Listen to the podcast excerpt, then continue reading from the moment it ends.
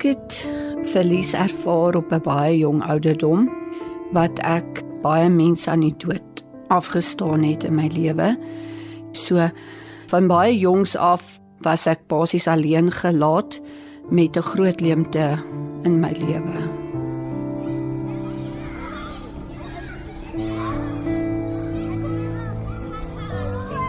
As kind het ek eens die maan se ronde skuif langsaam sien uitswel bo die silwervlei om saggies soos 'n seepbel weg te dryf en tussen eilpopliere in te gly.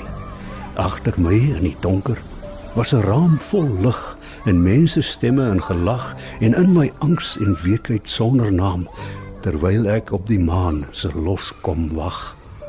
Die res is alles duister en verward. Van tak tot tak het hy gewieg. Ek weet nog net dat die gekneusde gras se geur soos naaltjies was en dat ek skielik seer gekry het van die inkrimp van my hart en met my pols die trane weggevee het. Al as jy 'n jong kind is, verstaan jy nie altyd waaroor verlies gaan nie en waarom dit gebeur nie. Wanneer die gelukkige wêreld van 'n kind daardie kokonagtige geborgenheid waarin sy veilig en geliefd voel skielik aan skerwe spat weens 'n traumatiese gebeurtenis soos die dood van 'n ouer is dit asof die musiek eensklaps ophou speel. Kinderlag harmonie verdwyn in 'n vergete wandklank soos wat die onskuld uit 'n jong lyf verdryf word vir RSG se voormalige geleentheidskoördineerder Muriel Jansen van Rensburg was dit so. Die vraag was baie daar hoekom dit met my gebeur het? Wat het my so anders gemaak dat ek nie ouers gehad het nie? Op die jong ouderdom van 5 verloor Muriel reeds haar aanneempa en aanneemma. Haar eens gelukkige wêreld sou nooit weer dieselfde wees nie.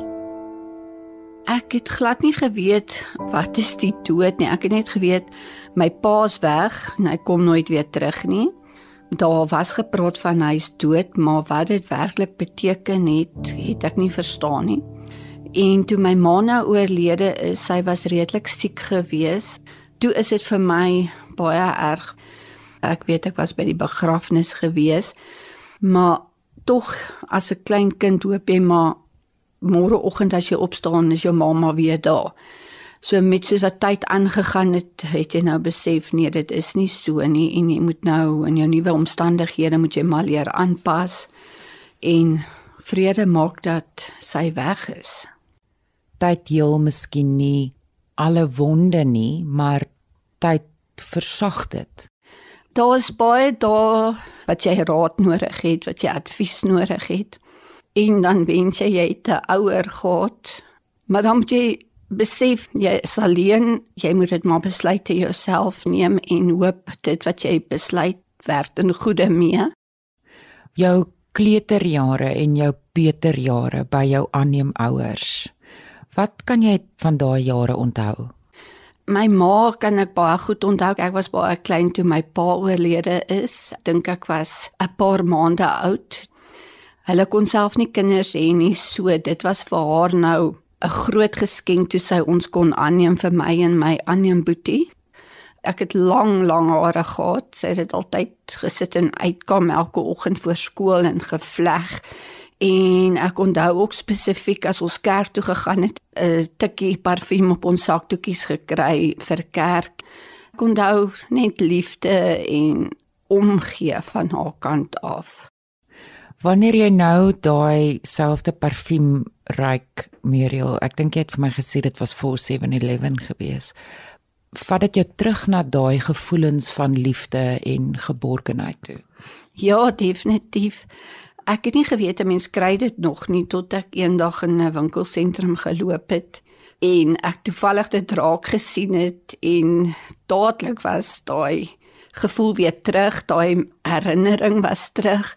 Ek het dadelik na die rak toe geloop, dit oopgemaak en geryk en net weer daai herinnering gekoester van elke Sondagoggend daai reuk op jou sak toe kerk toe.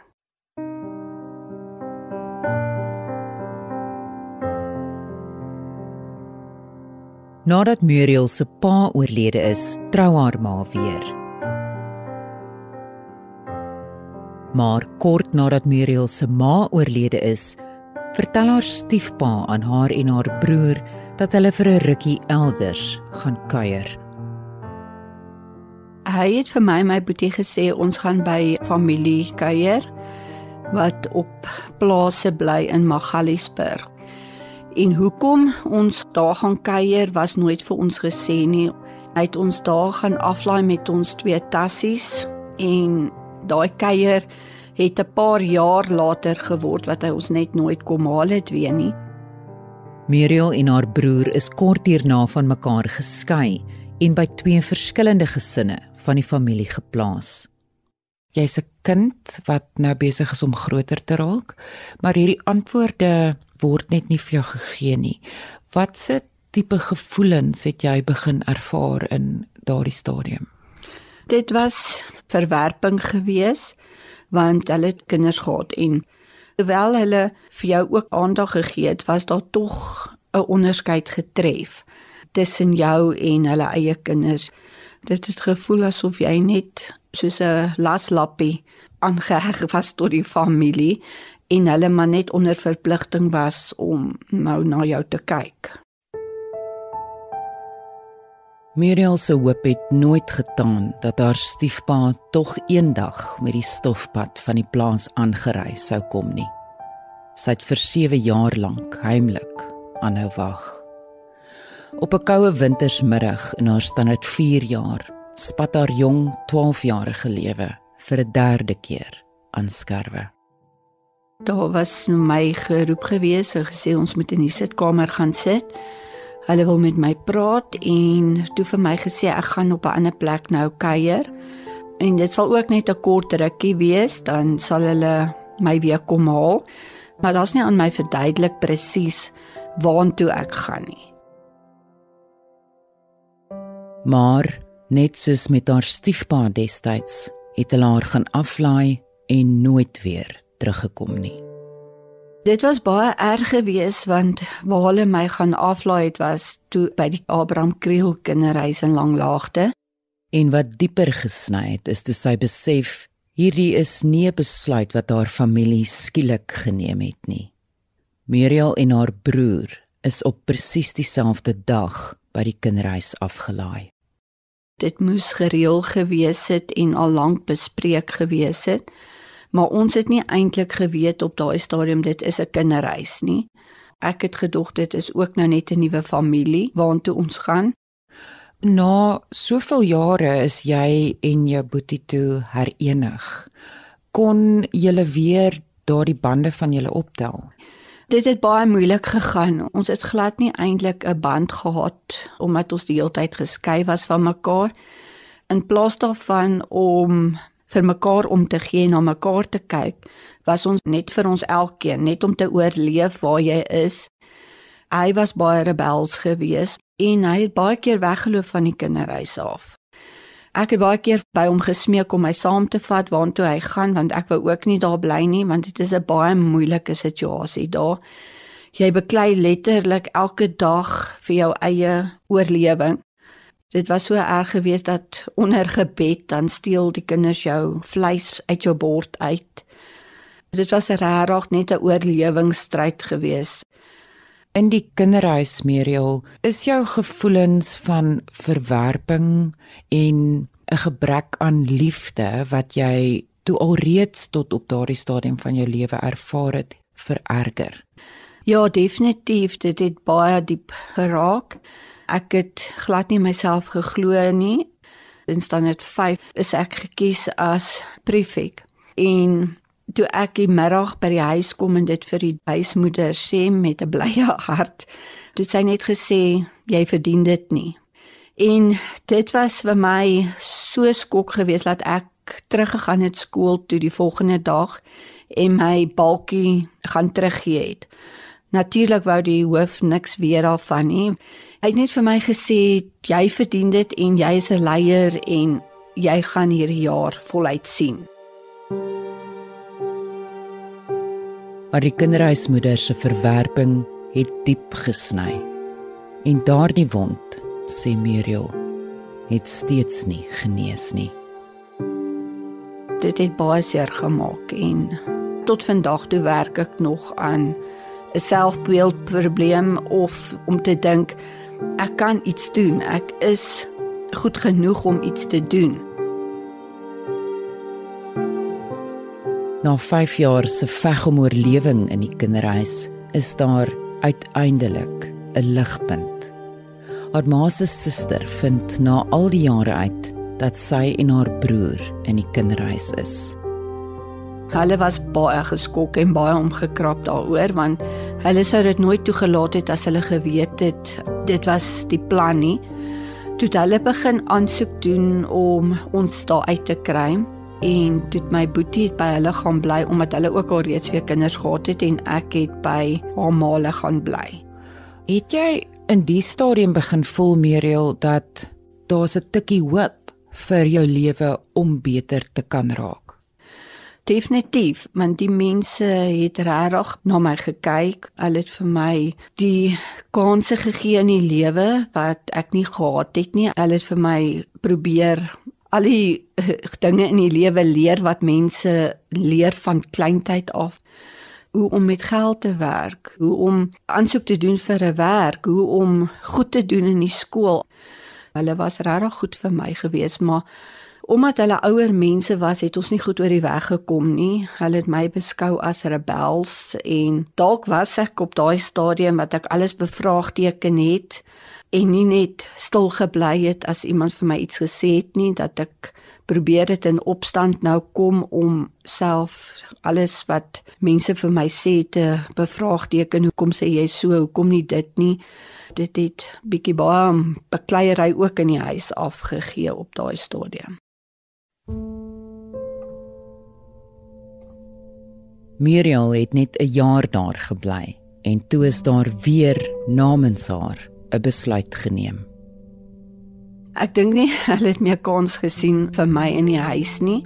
Toe het hulle vir my gesê ek gaan koshuis toe in Lichtenburg vir my matriekjaar en ek het net soos vakansietye huis toe gekom. Hoe het jy gevoel Muriel toe jy hierdie weer vir 'n derde keer moes aanhoor in jou lewe jy word weer weggevat uit 'n plek waar jy nou net 'n bietjie gebondenheid begin voel het en jy word afgelaai by 'n plek waar jy totaal op jou eie is. Ek dink jy op daai stadium het dit my nou regtig meer geplan nie want dit was soos 'n patroon. Jy dink maar dit is hoe dit hoort. Net sodra dinge begin goed gaan, dan word jy weggestuur. So ek dink ek het dit verwag dat dit deel was van my lewe hoe my lewe verloop het. Met geen ander heenkome nie, gaan woon Muriel na skool by haar ma se suster. Sy begin werk en vir die eerste keer voel dit vir haar asof sy 'n tree nader is aan standvastigheid. Maar kort hierna onthul haar familie 'n geheim wat haar wêreld weer omkeer. En stadig maar seker begin die deurmekaar legkaartstukke van haar lewe sedert haar ma se dood vir haar in mekaar pas. Toe ek 18 geword het, toe het my tannie hulle vir my vertel dat ek is aangeneem en dat my boetie ook nie my regte broer is nie. En op daai stadium het ek en hy net begin om 'n beter band te vorm. Ons was nader aan mekaar. Dit gevoel of die mat weer onder my uitgeruk is want ek kon nie glo wat alles gebeur het en dat my ma wat oorlede is nie my regte ma was nie. Ek was vir 'n ruk lank kwaad. Ek weet nie of dit is omdat hulle so lank gewag het om my te vertel nie en of dit die feit was dat ek wel aangeneem was nie. In haar gees was Muriel nie ongeskonde nie.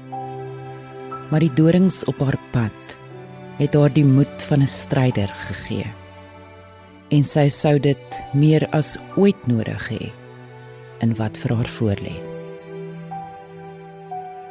Muriel kort nadat jy terug is na daai familie toe nadat jy begin werk het, gebeur daar iets ongelooflik dramaties in jou lewe. Ek was op daai stadium in 'n verhouding met 'n goeie man, maar ons het mekaar nie elke dag gesien nie. En 'n ou vriend wat toevallig in Johannesburg was, het my kom opsoek om bietjie te kom kuier en ons is toe saam die aand uit. Ek is toe daai aand verkrag deur hom en toe ek swanger geraak. Dit was vir my baie traumaties geweest om deur dit te gaan omdat ek juis probeer het om my lewe op dreef te kry en 'n ander toekoms te bou en goed. Maar die wonderlike man wat in my lewe was, het heeltemal die kind aanvaar as sy eie. Ons is toe later getroud en die babatjie was siek geweest met geboorte en is toe 2 dae na geboorte oorlede. Maar hy het die hele pad saam met my gestap. Ek het nooit eendag gehoor dit is nie sy kind nie of hy het nie 'n verantwoordelikheid teenoor my nie.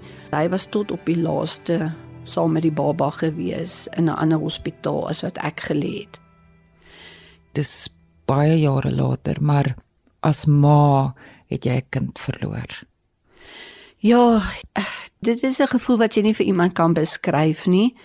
Dit is asof 'n deel van jou hart basies uit jou lyf uitgeruk word. En dis maklik om vir mense te sê ja, dit was net 'n babietjie, jy het nog nie daai band gebou, daai liefde gebou nie. Dit is totaal en al onwaar. Die oomblik wat jy uitvind jy is swanger en jy stap daai pad met die kind.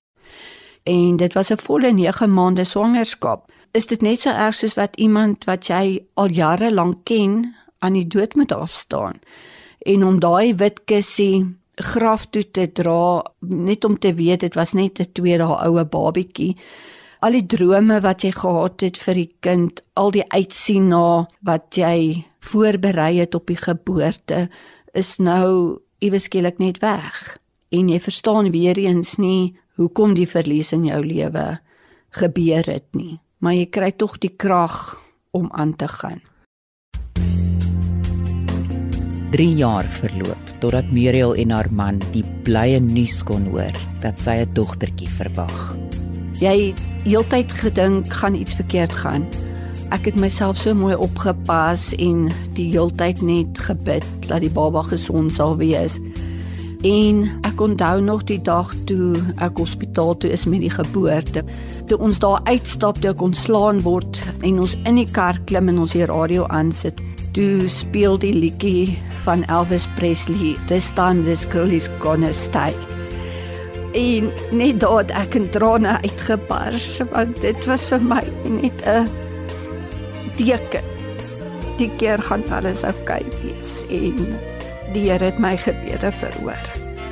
En dit is vandag die pragtigste kind wat jy kan kry binne en buite. Daarom dank ek die Here elke dag dat hy al vir ons gegee het ons het die nodigste gehad het. Ten spyte van al die liefde wat sy rondom haar raak gesien het, het die spooke uit haar verlede aanhou terugkeer. Ek het glad nie geweet wat liefde werklik is nie, hoe om dit te wys nie en as iemand omgegee het of goedhartig was, het ek dit bevraagteken want ek het nooit geweet wat is hulle doel daarmee nie of wat wil hulle van my hê nie. As ek nou terugdink, kon ek nie glo my man het by my gebly nie want hy het alles gegee vir my. Hy was 'n goeie man, hy het my op sy hande gedra en ek kon baie meer teruggedoen het vir hom ook om liefde te wys, maar jy het nie geweet hoe nie want jy's nooit geleer en jy het nie daai liefde gevoel wederwysige liefde nie op daai stadium het ek nie geweet wat om daarmee te doen en hoe om dit terug te gee nie was daar tye wat dit donker geraak het in jou? Ja baie kere was dit wat ek selfmoord oorweeg het om 'n uitkoms te kry. Is die lewe die moeite werd om nog aan te gaan met al die verliese waardeur 'n mens is en so aan. Maar ek dink net as ek nie aan die Here vasgehou het ek het heeltyd deur al hierdie dinge waardeur ek geworstel het, het ek tog sy liefde en vertroosting ervaar in my lewe. En met die hulp van 'n wonderlike man wat ek gehad het en 'n wonderlike dogter, is die lewe vir my nou baie meer werd. Na huwelik van 28 jaar skei Muriel en haar man se paie dink ons het by mekaar verby begin leef en dit was net meer op 'n vriendskaplike manier as wat dit 'n huwelik was. En ek onthou nou nog die prokureur se woorde die dag toe ons haar gaan sien het toe sê sy julle twee moet nooit skei nie. Ons het respek vir mekaar en ons is tot vandag toe nog vriende. Muriel jy het 'n doelbewuste besluit gemaak in jou lewe na al hierdie verliese wat jy beleef het om 'n sukses te maak van jou lewe en van jou loopbaan. Hoekom het jy daai besluit geneem?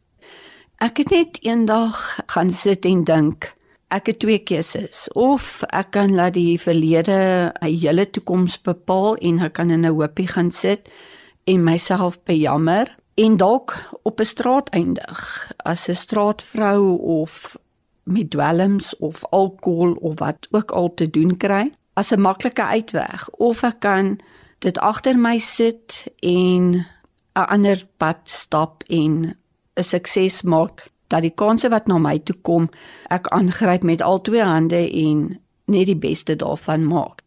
Ek het besluit ek gaan eerder my toekoms bou op nuwe gebeurtenisse. Ek het hard gewerk om te kom waar ek is vandag is ek nie spyt daaroor nie. Elke dag kan jy self daai keuse maak wat jy vir die volgende dag met jou lewe gaan doen. Is iets waarmee jy nog steeds worstel daardie gevoel van ek is nie goed genoeg nie. Ek dink dit sal altyd daar bly. My bestuurder by die werk het ook al vir my gesê ek moet ophou om daai gedagtes te koester want jy voed basies jouself die hele tyd met jy is nie goed genoeg nie. Hy het gesê eendag vir my, sonder dat jy dit besef, wys jy vir ander mense jy is nie goed genoeg nie. En toe ek nou gaan sit en terugdink, toe dink ek net maar dit is so. As jy in jouself nie kan glo nie, hoe moet iemand anders in jou kan glo? Van daai dag af het ek 'n besluit gemaak en ek let elke dag daarop dat ek nie hierdie gedagtes by myself koester en myself dit wys maak nie, maar eerder die teenoorgestelde. Op 'n manier het tyd van haar wonde geheel. Vandag is haar broer en haar ma se suster deel van haar kring hartsmense. Ons kuier gereeld oor en weer, sy's deel van my lewe. Dit is vir my 'n baie goeie ding dat daar darm nog iemand is in die familie met wie ons kontak het. En jy en jou broer Muriel na al hierdie jare het julle nou 'n baie sterker band. Hy is nou vir my soos my ouer broer wat na my kyk, my raad gee. Ons kuier gereeld by mekaar, ons doen dinge saam. Ag en en dit is net lekker om te weet jy het iemand wat na jou omsien. Na dekades se soeke na antwoorde was daar veral een vraag wat bly talle met. En 2 jaar gelede begin Muriel soek na haar biologiese ma. Ek wou op 'n stadium dit nie doen nie vir die rede dat ek weer bang was vir weer verwerping want jy weet nie wat was die rede daar agter hoekom hulle jou aangegee het vir aanneming nie en dalk voel hulle dieselfde vandag nog as jy hulle gaan soek Toe ek lank geworstel met die vraag moet ek, moet ek nie. Toe het ek die proses aan die gang begin sit, maar ongelukkig toe die uitslaa terugkom toe is my ma alreeds oorlede. En toe ek dit nou daar gelos. Soos wat ek verstaan het, het sy my pa was nie getroud nie en hulle het ook nie kontak gehad nie. En toe jy uitvind dat jou biologiese ma toe nou oorlede is, toe jy haar toe nou opspoor, Hoe het jy gevoel daaroor? Daar was 'n bietjie spyt gewees omdat ek dit nie vroeër al begin doen het dalk nie, want dan sou ek dalk baie antwoorde kon gekry het wat ek na gesoek het. Maar aan die ander kant dink ek dit is ook maar vir die beste dat jy nie terugkyk na wat kon gewees het of die hele tyd wonder wat was nie. Dit is deel van 'n hoofstuk wat afgesluit is in my lewe. Dis nou byna 5 dekades sedert jou ma oorlede is en jou lewe onherroepelik verander het, Muriel. Voel dit vir jou of jy ooit werklik tot verhaal kon kom met die dood van jou ouers, die dood van jou kind en al die ander verliese wat daar in jou lewe was. Jy kan dit nie altyd elke dag saam met jou dra nie. Party dae is makliker as ander dae en jy dink nie so gereeld aan al hierdie verliese nie, maar ek dink tog jy leer om daarmee saam te leef elke dag en nie om jou hele lewe om daai verliese te bou nie, maar laat jy vorentoe kyk na al die nuwe dinge en mooi dinge.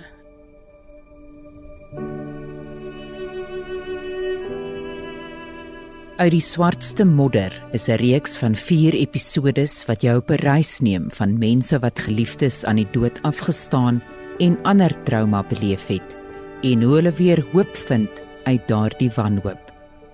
Vervaardig en aangebied deur my, Estie de Klerk, met klankontwerp deur Danny Boysen. In volgende week se episode van Uit die swartste modder. Dit was letterlik asof ek my eerste lewe, my lewe saam met Skalk en Janelle en John moes afsluit en dat ek aan die einde gekom het van daai lewe en ek moes 'n nuwe lewe begin, maar dit nie meer ek en my gesin is nie. In 'n gruisame motorongeluk sterf Karen Swanepoel se man, haar 5-jarige dogtertjie en 2-jarige seuntjie en sy word ernstig beseer. Sy worstel lank met die vraag wat die doel daarmee was dat sy bly leef het. Sy deel haar pynpad na aanvaarding en emosionele genesing.